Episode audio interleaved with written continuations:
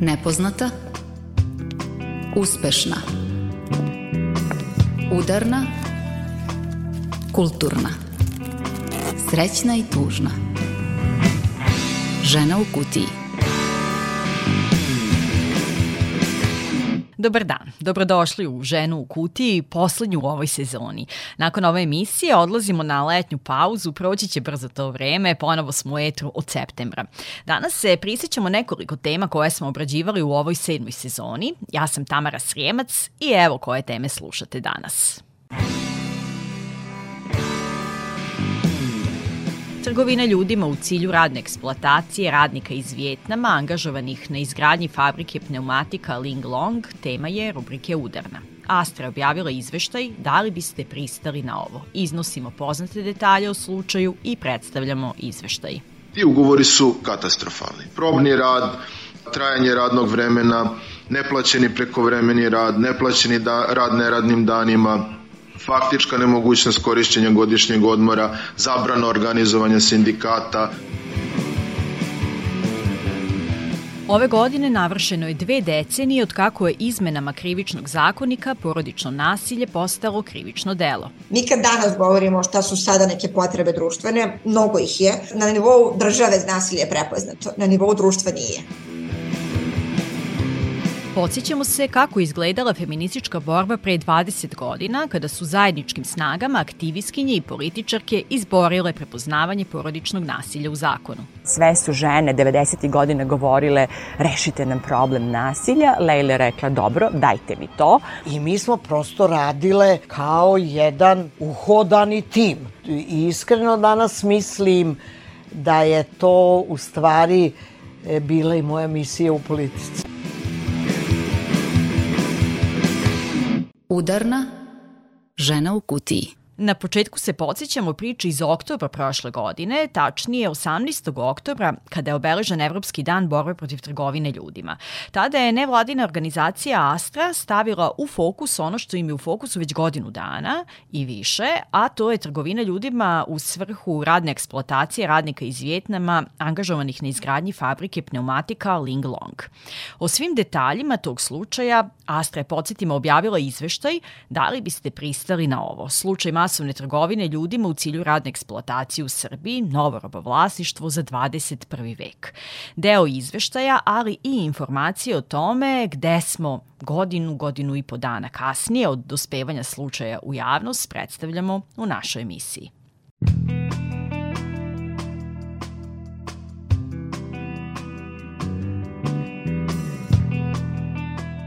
Slučaj vjetnamskih radnika angažovanih na izgradnji fabrike pneumatika Ling Long u Zrenjaninu dospeo u javnost početkom novembra prošle godine nakon teksta koji je objavio Vojvođanski istraživačko-analitički centar Voice.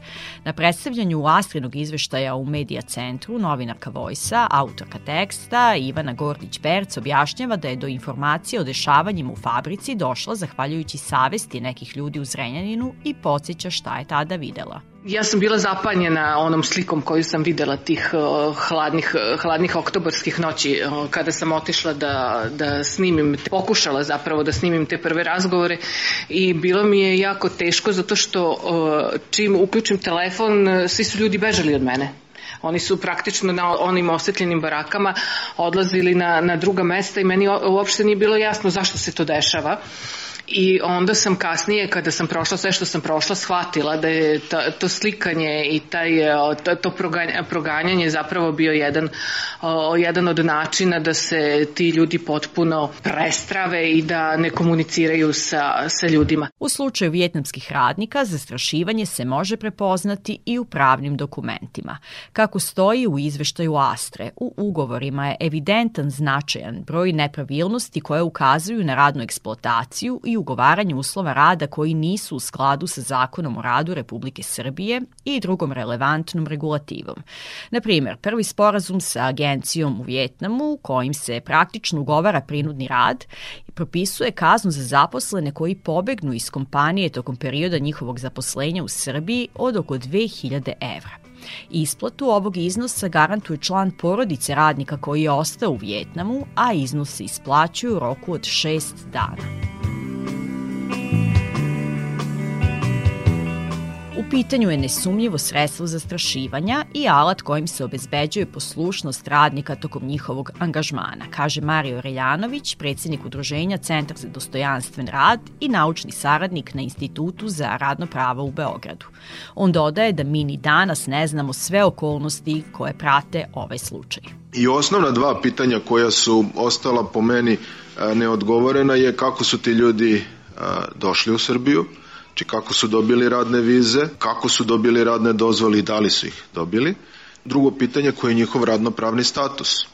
Da li mi na njih uopšte možemo da primenimo a, zakone Srbije ili kao što tvrdi a, tvrde a, neke institucije u Srbiji na njih ne može da se primeni radno pravo Srbije. Svi ostali ugovori koje su radnici potpisivali pariraju prvom. Lažna obaveštenja, ugovaranje uslova rada koji su nezakoniti, nametanje neproporcionalnih troškova radnicima, to se navodi u izveštaju antitrafiking organizacije Astra. Ti ugovori su katastrofalni. Dakle, nekoliko, ja sam čak i zapisao, nisam siguran da mogu da zapamtim šta sve nije u redu sa tim. Dakle, probni rad, trajanje radnog vremena, neplaćeni prekovremeni rad, neplaćeni da, rad neradnim danima, faktička nemogućnost korišćenja godišnjeg odmora, zabrana organizovanja sindikata, zabrana jednostranog otkazivanja ugovora od strane radnika.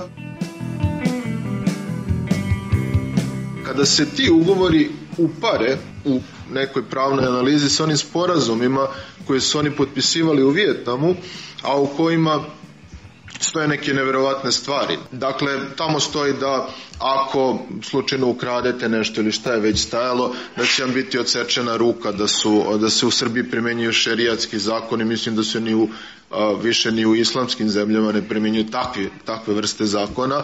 Dakle, oni su bili zastrašeni da ni po koju cenu ne stupaju u kontakt sa lokalnim stanovništvom, jer smo mi neki krvoločni, krvožedni ljudi koji će im na najmanji prekršaj verovatno nešto jako loše uraditi. Mario Reljanović navodi da su uslovi rada još gori od onih koji su ugovoreni. Na prvom mestu uslovi iz oblasti bezbednosti i zdravlja na radu, ali i loši uslovi života koji su takođe povezani sa radom.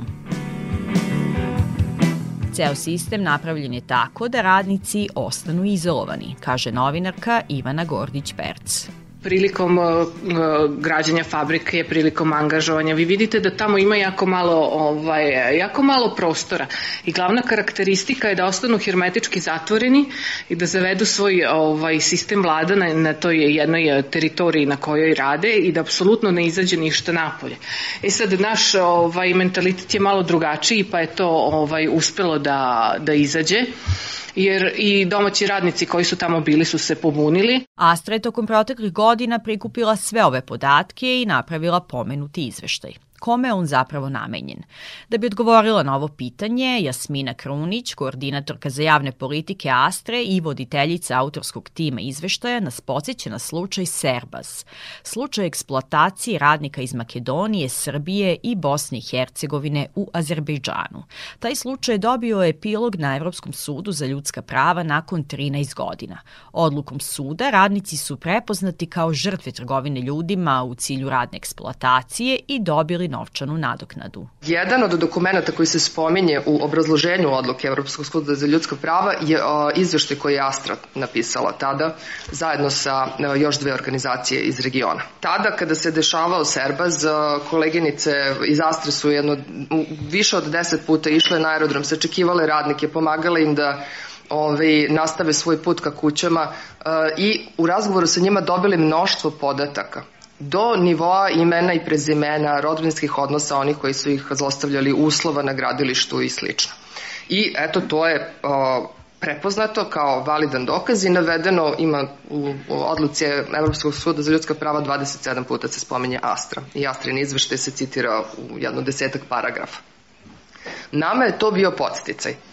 Ako smo mogli tada jer već smo svi bili digli ruke da će ti ljudi ikada dobiti bilo kakvo zadovoljenje, a eto, posle određenog vremena su dobili, mi smo mislili hajde da pokušamo sada da napravimo nešto slično. Ipak, okolnosti tog slučaja i slučaja Ling Long i spremnosti radnika tada i sada da govore o problemu i potraže pomoć bitno se razlikuju, dodaje Jasmina Krunić iz Astre. Zbog toga, između ostalog, što su uslovi u kojima su ti radnici zatečeni, e, njihov e, nivo prestrašenosti, nepoverenja, zatvorenost, e, u momentu kada je sprovedena prva poseta, oni su bili i gladni i bilo im je hladno i bili su potpuno bez ikakve trunke poverenja u bilo koga i nastavno što nisu baš mogli da izađu uh, kad su hteli. I jezička barijera u sve to, dodaje voditeljica autorskog tima izveštaja.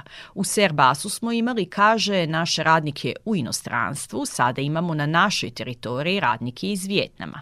U skladu sa tim, Astra je prilagodila tehnike podrške i pomoći, godinu dana kontinuirane aktivnosti na više koloseka. Jedna stvar je funkcionisanje našeg tima za podršku žrtvama. Dakle, to su moje koleginice konsultantkinje koje su išle na teren, koje su 24 časa bile u kontaktu sa tim radnicima na svaku poruku, a uglavnom su im poruke izgledale molim vas pomozite, hoću da idem kući, pomozite mi, hoću da izađem odavde. A potom je bilo i poruka, nije mi dobro, boli mi stomak, povredio sam nogu, gde naše koleginice zovu hitnu pomoć, gde se niko ne odaziva, gde dobijemo neka sasvim suludna objašnjenja oko toga zašto može ili ne može da se da se priđe tamo. Druga trasa je bila oslanjanje na sistem, odnosno korišćenje svih mehanizama na raspolaganju. Postupajući u skladu sa Srpskim nacionalnim mehanizmom za upućivanje žrtava trgovine ljudima, Astra je podnela 49 zvaničnih dopisa prijeva žalbi na adrese 16 različitih državnih institucija koje su ovlašćene da sprovode zakon u ovom slučaju. Do ovog trenutka Astra je primila samo 22 zvanična odgovora, što je 45 i to od sedam institucija. Ukazivale smo svakome u odnosu na njegovu nadležnost da se u Zrenjaninu dešava to i to i molile da reaguje u skladu sa onim što bi trebalo da radi. Ako ne bismo dobili nikakav odgovor, mi bismo pisali i tražile ponovo po osnovu zakona o dostupnosti informacije od javnih značaja, molimo vas obavestite nas šta ste uradili po tome i tome. I tako u krug. Pa onda mi njih obavestimo šta smo saznali, pa kažemo, evo, mi imamo ova saznanja, hoćete, molim vas da uradite nešto na osnovu ovih saznanja. I svaki taj korak nalazi se u izveštaju a svako zapažanje, zaključak, potkrepljen je izvorima provere. Jedna od institucija koja je odgovorila na Astrina pitanja je inspekcija rada, koja je poslala vrlo detaljan odgovor šta je sve preduzela ili nije preduzela. Međutim, taj odgovor je prepun kontradiktornosti, kaže Mario Reljanović. Najprej inspekcija rada tvrdi da a, su radnici koji su zatečeni tamo uglavnom ili upućeni na rad od strane stranog poslodavca, kineskog poslodavca, ili su se kretali kroz privredno društvo. Ako gledate zakon o zapošljavanju stranaca, to su dve situacije od ukupno četiri vrlo redke situacije kada se na zaposlene ne primenjuje pravo Republike Srbije. Podrazumeva se da su oni ako su upućeni ili ako se kreću kroz privredno društvo došli na vrlo kratak period da obave neki određeni posao da oni ostaju zaposleni kod stranog poslodavca i da u tom smislu mi na njih ne možemo da primenimo zakon o radu kao osnovni akt Republike Srbije kada je reč o radnopravnim propisi. Međutim, sve što, svi dokumenti do kojih smo došli, sve ono što sam ja analizirao u smislu sporazuma i ugovora koji su radnici e, iz Vijetnama potpisivali govori protivno ovoj tvrdnji inspekcije rada. U samom odgovoru inspekcije rada nema ni jednog dokaza, dakle ne piše da su e, inspektori pronašli to i to e, zbog čega su došli do zaključka da se na ove ljude ne primenje pravo Srbije. Reljanović dodaje da inspekcija rada u svom odgovoru protivreči čak i sama sebi. Par stranica kasnije u tom odgovoru stoji da od 353 radnika koje su oni evidentirali kod poslodavaca iz Vijetnama je samo 35 u tom trenutku imalo radne dozvole. To je 10%. 90% radnika u tom trenutku nema radne dozvole. 318 ljudi nema radnu dozvolu i radi ono što mi kažemo na crno. Dakle, ne postoji pravni osnov njihovog rada ovde u Srbiji. Postavlja se pitanje kako inspekcija rada može da zaključi da su to upućena lica ili se kreće kroz privredno društvo ako ne postoji radna dozvola. Sad se postavlja jedno logično pitanje, ako je procena novinara bila između 600 i 1200 vjetnamskih radnika, sami radnici su nekim izjavama pričali da se njihov broj kreće između 700 i 1000, gde su ostali? Gde je još 350 do 700 radnika koji ne postoje, ne, znači nema ih čak ni u papirima koje inspekcija rada pregledala.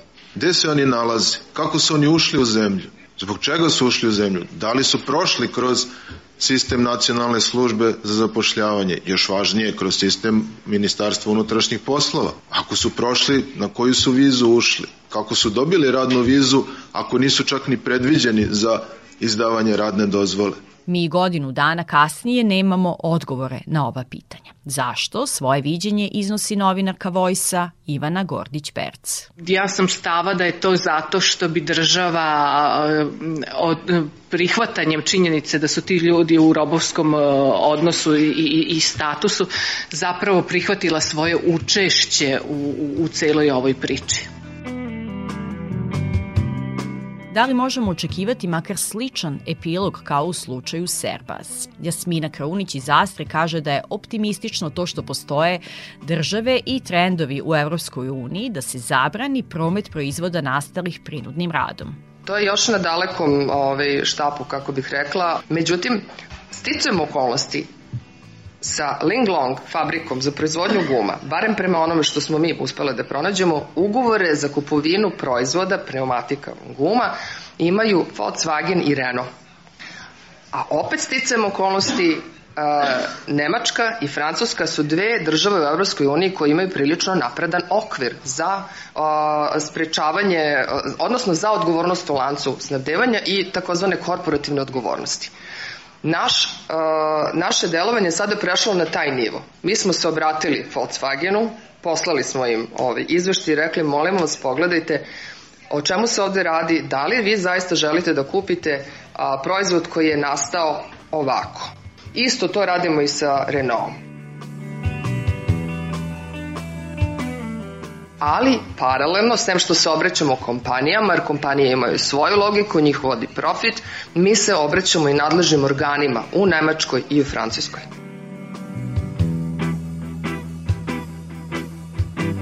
Ishod neće biti isti kao u Serbazu.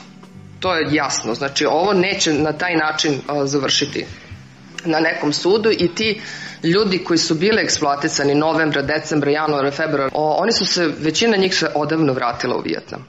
Ali čemu služi ovaj izveštaj? Služi tome da pokušamo da a, podstaknemo našu državu da reaguje da se ovakvi slučajevi ne bi ponavljali. Mi postajemo teren gde će dolaziti radna snaga o, sa bliskog i dalekog istoka Dakle, ovakve situacije moraju biti sprečene. Izveštaj služe i da se pokaže da je napravljen paralelni sistem sačinjen od aktivista, medija, nevladinih organizacija i pojedinaca koji su se posvetili tome da istina o radnoj eksploataciji izađe na videlo, dodaje novinarka Ivana Gordić-Perc. Kada su se pojavili kineski menadžeri i zabranili nam da izveštavamo. Mi smo toga dana imali na terenu dva snimatelja, desetak novinarki i nekoliko aktivista i aktivistki Srpkinja iz Beograda iz Zrenjanina i mi smo se njima suprotstavili naravno, nismo hteli da damo novinarske legitimacije, insistirali smo na tome da se pomoć uruči tim nesretnim ljudima i taj trenutak je mislim bio presudan da se vijetnamski radnici ohrabre i izađu u javnost. Vi od momenta da oni uopšte ne žele da komuniciraju ni sa kim koji sam ja imala u prvom trenutku, do trenutka da se bore da spasu svoga kolegu, da ga izvuku iz kampa, je jedan pro proces koji je meni zadivljujeć, impresivan, gde vi vidite kako se budi u tim ljudima ono što je iskonski želja da budeš slobodan. Izvešte koji je nastao i koji je predstavljen povodom Evropskog dana trgovine ljudima je de facto ženski izveštaj, dodaje novinarka. U doba ove ženske revolucije pokazali smo da, da možemo i meni je drago da sam igrom slučaja bila u, u toj grupi, grupi žena koje su ukazale na ovaj problem. O tome šta su te aktivistkinje doživele na terenu treba napisati knjigu. O njihovoj hrabrosti i o, i o posvećenosti. Hvala svim hrabrim ženama i dobrim ljudima koji su se posvetili borbi za pravo na dostojanstven rad svih i sa ženskim glasovima nastavljamo Ženu u kutiji. Ovoga puta sa muzikom. Kant autorka Anđela Jovanović i njena pesma objavljena u ovoj godini. Vatra.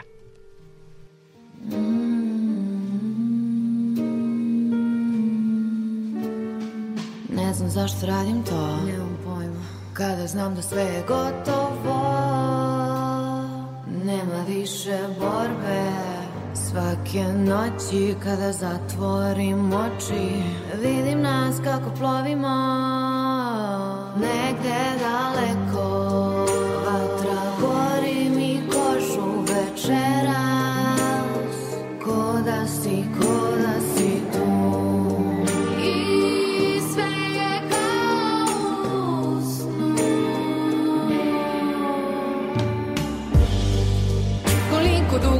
čutala to Da bih sve s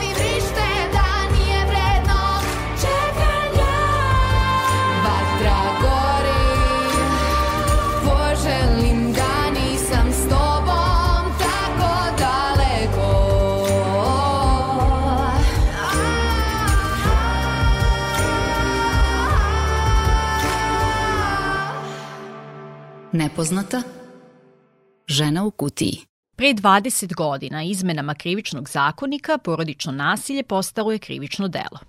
To je prekretnica koja je doprinela razumevanju porodičnog nasilja, a na temelju te promene i nastavka feminističke borbe Srbija je do danas dobila set zakona i zakonskih izmena koji prepoznaju, preveniraju, sankcionišu različite oblike nasilja.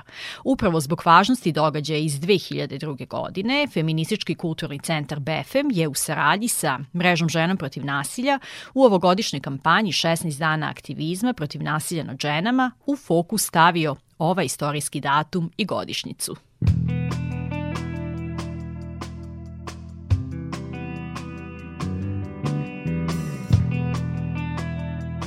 Porodično nasilje je viševekovni problem. Mi danas znamo da svaka treća žena doživi neki oblik nasilja, međutim tek od pre 20 godina porodično nasilje više nije privatna stvar, već je definisano zakonom.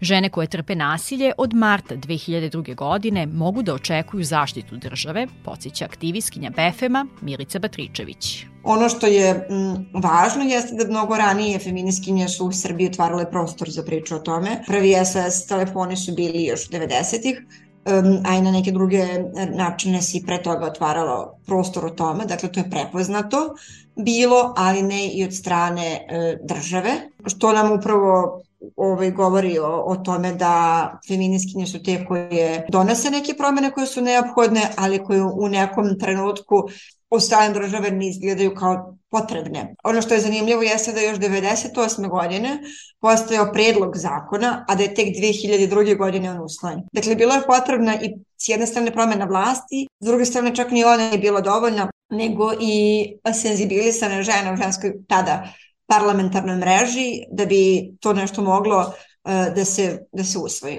i usvojilo se upravo zahvaljujući savezništvu i kontinuiranoj borbi žena u politici, aktivizmu, akademiji i drugim poljima delovanja.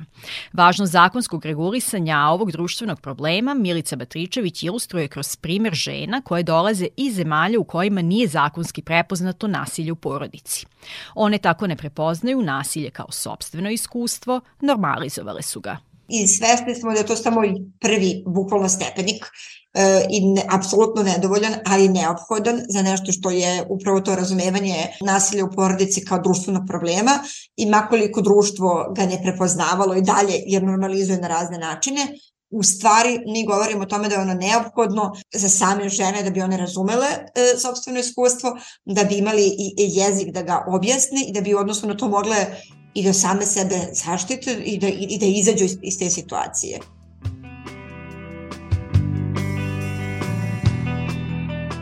ali ono što je ono kao ključna poruka je to da su žene svojim radom donele pravdu. Ta pravda jeste u tom smislu zakonska kao pravda, ali ona nije samo zakonska, nego je društvena, jer je omogućila da nešto što je vekovima bilo normalizovano napokon dobije i od strane države svoje ime, a to je da postoji e, nasilje u porodici i da postoji pre svega nasilje prema ženama.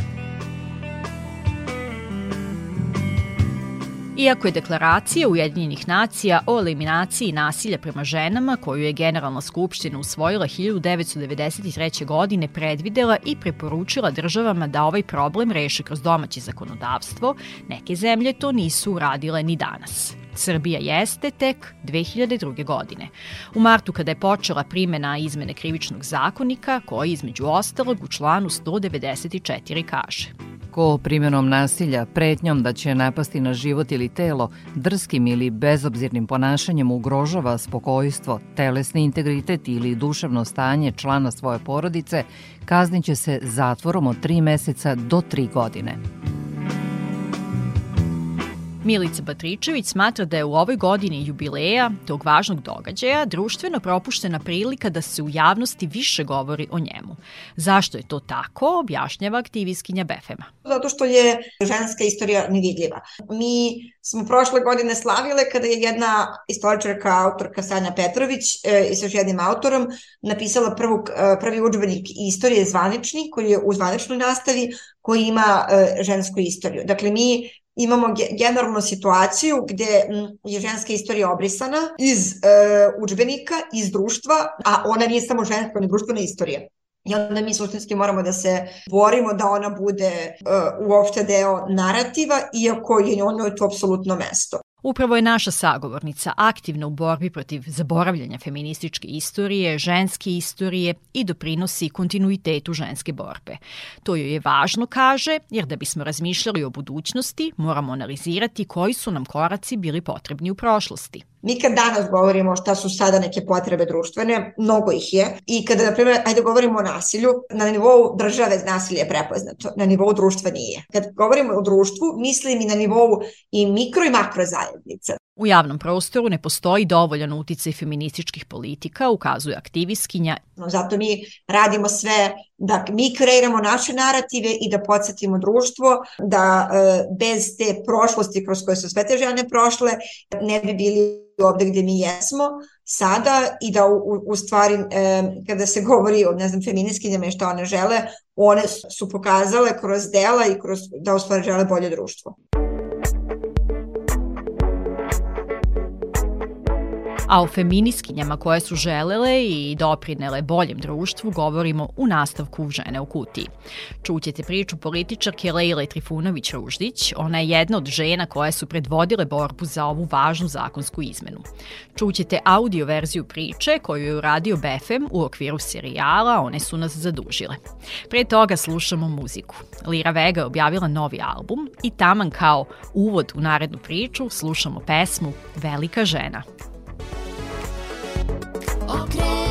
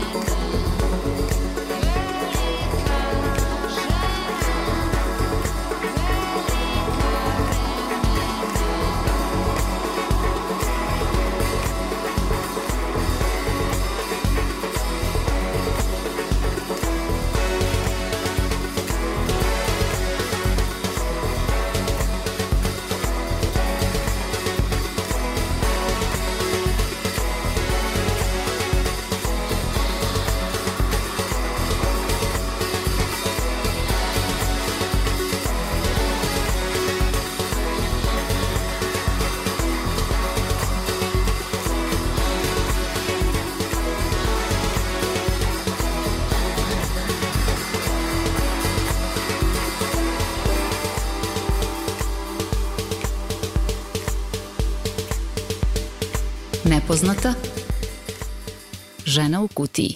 Nastavljamo priču o ženama koje su nas zadužile. Upravo tako se zove serijal Befema koje su radile aktivistkinja, naša prethodna sagovornica Milica Batričević, zajedno sa koleginicom i novinarkom Jovanom Netković.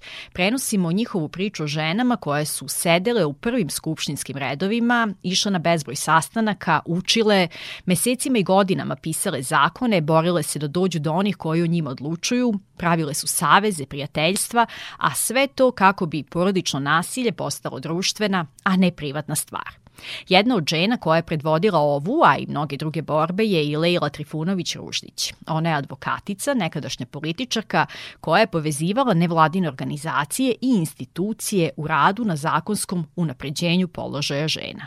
U filmu koju je uradio Feministički kulturni centar BEFEM, o političarki govori i psihološkinja Autonomnog ženskog centra Tanja Ignjatović. Obe svedoče o aktivizmu od pre 20 godina. Bez obzira na porodični zakon za koji se žena ministarka izborila, za e, ovaj, nasilje u porodici i za zakon o nasilju u porodici, to je naših ruku delo. Danas je to negde moraš, pošto postoji, na kraju krajeva postoji neka Evropska unija, postoji javno mnjenje, sve, ali bojim se da se žene opet stavljaju u neku, što bi rekli, sivu zonu. Danas se za to po meni bore još samo nevladine organizacije. Sasvim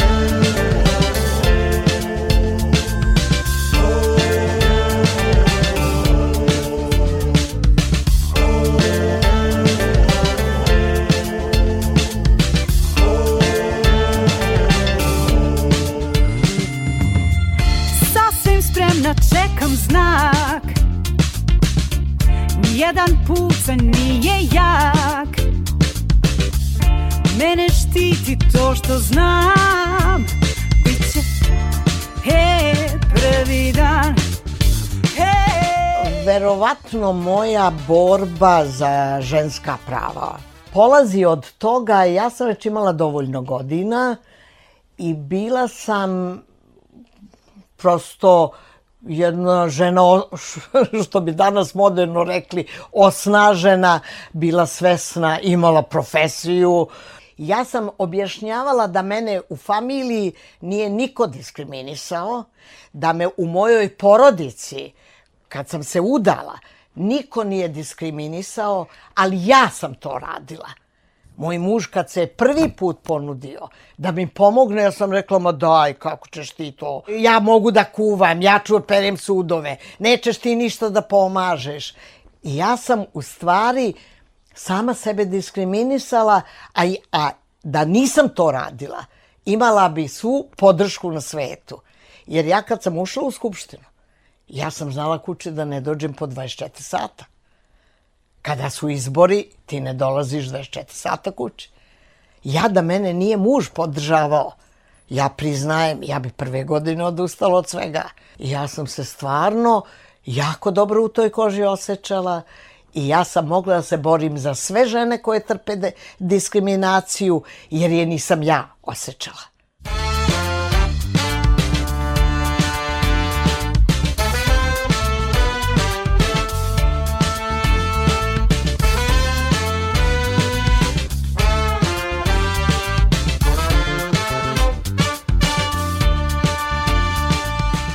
U DOS-u smo se e, relativno lako dogovorili, e, odnosno prvo dogovorile mi, a onda dogovorili sa čitavom e, grupom, to je velika poslanička grupa bila, čini mi se da nas je bilo 176, da se poredamo čitav red, da budemo upadljivije. E, sve smo bile svesne toga da e, ta upadljivo znači puno. Uvek sedam u prvi red koji je moguć. Ja mislim da je to jako važno. Žene moraju da osvajaju mesta jer im to ne daju. Pod tim uticajem e, mi žene iz DOS-a napravili smo žensku političku mrežu. i dogovorili se kroz tu žensku političku mrežu da prvo gor, pokušamo da e, prođe ova priča o 30% žena na listama što je usvojeno. Leila je bila i ostala, po mom dubokom uverenju, e, političarka na koji se uvek moglo pouzdati. Kad se dogovorimo da nešto treba da se promeni i zašto, ona nije odustajala i mi smo znali da će ona to zastupati koliko god da treba. U DOS-u smo se dogovorili, već se to nekako oformilo, da svaka stranka dan e, odredi nekoga ko će da se bavi e, ženskim pravima, jer sam ja već bila uvučena u nevladin sektor. I meni ove e, aktivistkinje u nevladinom sektoru, one su me uvukle u to da ja budem ona žena u politici koja će se zauzimati za ženska prava. Leila je uživala čini mi se, da je politički prepoznaju kao uh, ženu koja zastupa pravo žena da žive bez nasilja, pra, jednaka radna prava žena, uh, jednaka politička prava žena, a ona je o tome otvoreno govorila od parlamenta do mesne zajednice. Najverovatnije je moć ženske političke mreže bila i u tome. Mi smo prosto imale kontakte sa ženskim organizacijama. Ja se sećam da sam u početku insistirala da na svakom našem političkom ženskom sastanku, konferenciji gde se priča da se podvlači to da je saradnja sa ženskim organizacijama za nas jako važna. Mi mogli da očekujemo tada da političarke koje od nas manje znaju o rodnoj ravnopravnosti zapravo zastupaju to kvalifikovano, a da smo mi imali ulaz u Narodnu skupštinu da smo mi imale ulaz u od, na odbor, sastanke a, a, odbora, a, na javna slušanja u parlament i da se dakle nekako moglo čuti jel, to š, zašto nam je do, ovoliko stalo do tema koje su za žene važne, kao što je recimo bila tema zaštite od nasilja u porodici.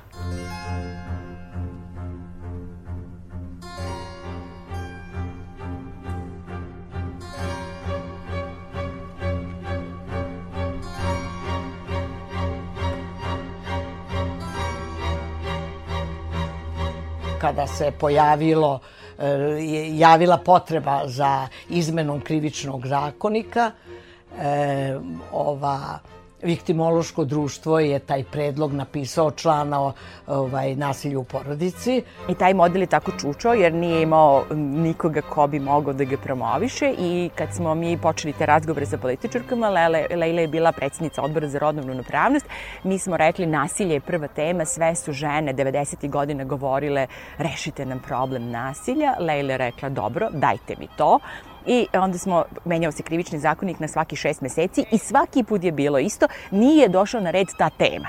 I onda je Leila zapravo krenula sistematski da um, uh, razgovara sa tadašnjim ministrom pravde, uh, Vladanom Batićem, da to uh, bude tema. Ne mogu reći, zahvaljujući uh, osvešćenosti Batića, ali mora da je bio već malo osvešćen, ali moj i njegov odnos je bio i kolegijalan i prijateljski i kad sam ga ubedila da je to dobro da uđe u ovaj krivični zakonik, Naravno, Tanja i ja smo išle stotinu puta u ministarstvo da to obrazlaženo objašnjavamo. I posle šest meseci jednom je pozvala i rekla idemo u ministarstvo da razgovaramo sa Batićim kabinetom oko krivičnog dela nasilja u porodici. I naravno da nas tamo nije čekao ministar. I to je već bio znak, jel, koliko je ta tema važna. Pa je to bio jedan mladi državni sekretar koji je bio zapanjen, jel, šta on ima sa time, jel. Pa nas je onda proveo u odeljenje e, gde se zapravo ta normativa, gde se prave zakoni i tu su sedele četiri žene. I naravno, Leila uvek ima to povezivanje, jel? I meni je bilo drago što su žene u pitanju, ali nije uvek lako ni sa ženama ispregovarati ono što vam je a, ovaj agenda, jel, što je tema. A, Leila je odmah krenula sa njima komunikaciju uobičajenu, dakle ono povazivanje, pa onda red političkoj pitanja, a one su rekla zašto vam treba krivično delo nasilja u porodici kad već imate laku uh, telesnu povredu, tešku telesnu povredu i one sad niz dela kojima se može odgovarati bez obzira ko da vas povredi. Onda Leila se okrene i kaže, hajde objasni. I onda ja počnem da objašnjam zašto je različito biti žrtva od nekoga s kim ste emotivno povezani, ko je član vaše porodice, gde je baza vaše sigurnosti i samo gledam kako te žene sve razumeju. Jedna žena kaže, sve vas razumem, imam to iskustvo, druga žena kaže, pa to su otežavajuće okolnosti. To nije isto kao laka telesna povreda i teška telesna. Kazna mora da bude veća. Mi se pozdravimo, odemo i tako, dakle, 2002. godine nasilje u porodici postaje krivično delo, jel? Član 114. Svest ljudi je novim porodičnim zakonom promenjena. E, nasilje nad ženama, nasilje nad ženom u braku, znači u porodici, je postalo vidljivo. Ti si sada mogao da pozoveš o, policaj, policiju i kada prođeš pored vrata i čuješ da se negde dešava nešto, policaja, policija je morala da reaguje. A ranije, kada po, policajac zbog, zbog galame u porodici, tuče, plača, ne znam nija čega, ako muž izađe na vrata pa kaže, molim, policajac, to je, jeste li u braku, jesmo, hvala, doviđenja i ništa od toga nema.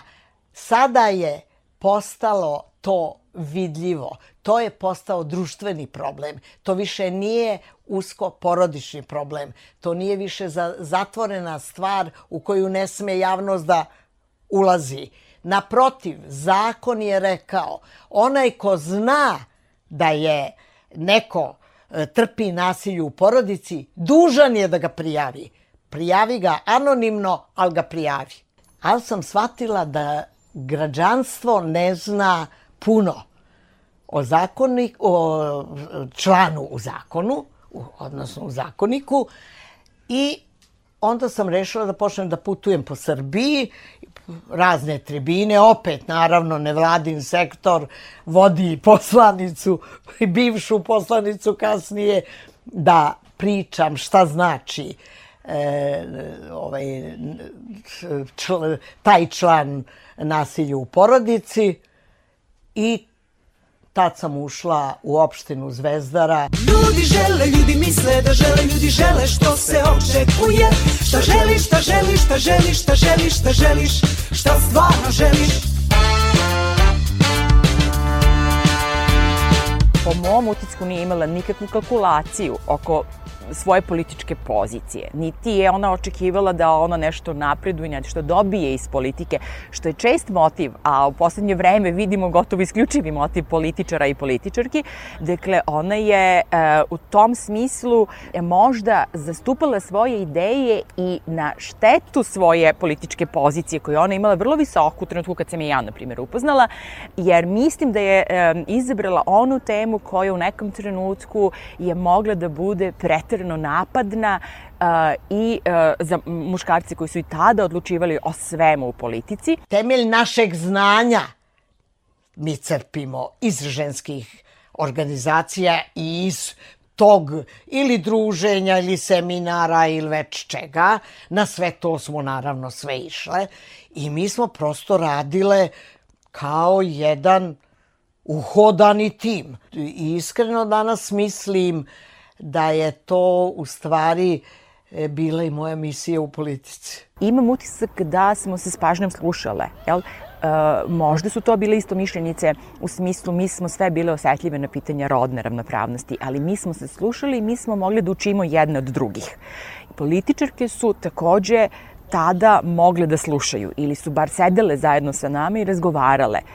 E, to je potpuno drugačije nego ono što danas zovemo društveni dijalog. Danas kada gledate e, ovu političku scenu i žene na političkoj sceni, kojih ima više nego ikada, solidarnost je ravna nuli.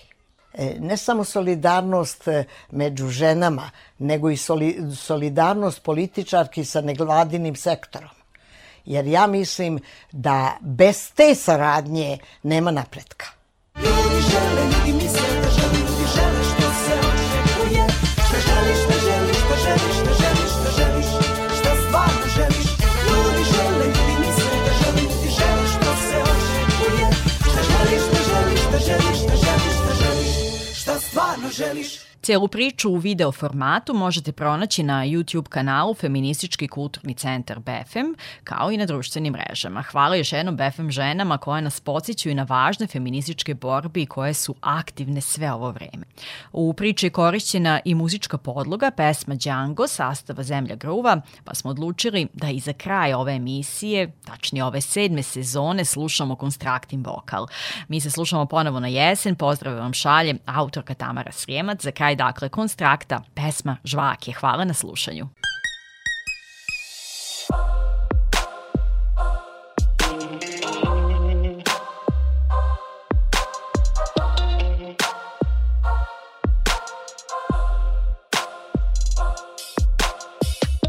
Ne znam koja je godina I što se krećem sporo Šta kaže ova reč? Ja, ti, mi, vi, oni.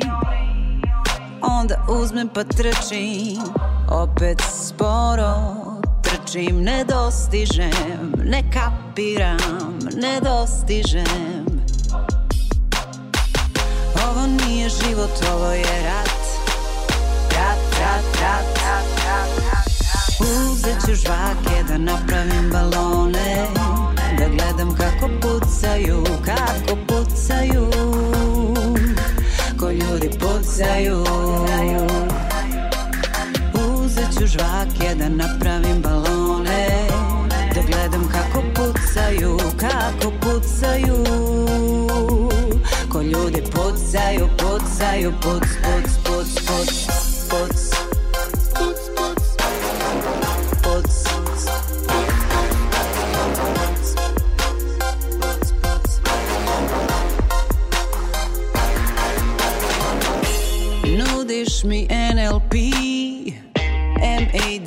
M-A-D-A-J Ma daj, how amazing. Misliš da pomaže, ali ne pomaže Jesus. Jesus A bilo bi lako kad bih ti verovala Jesus. Ja verujem u ovo. I verujem bilo bi lako kad bih ti verovala. Mama me gleda sa kauča Puši, gled, mama. Mama ne odobrava. Gomile mišljenja, gomile stavova Gomile ponovljeni govor Ponovljenih odnosa. Nema pojma Ja nema pojma. Verujem u ovo Verujem u ono. Ovo nije život, ovo je rat. Rat, rat, rat, rat, rat, rat. Uzet ću žvake da napravim balone Da gledam kako pucaju, kako pucaju. Ko ljudi pucaju Uzet žvake da napravim balone Da gledam kako pucaju, kako pucaju Ko ljudi pucaju, pucaju, puc, puc, puc, puc, puc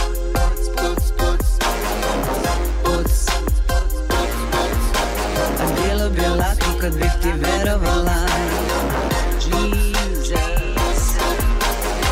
Sećaš se Marije Puk Sećaš se Nikole Puk Sećaš se Nebojše Puk Sećaš se Nebojše Puk Puk, puk, kosmos jedan vodušan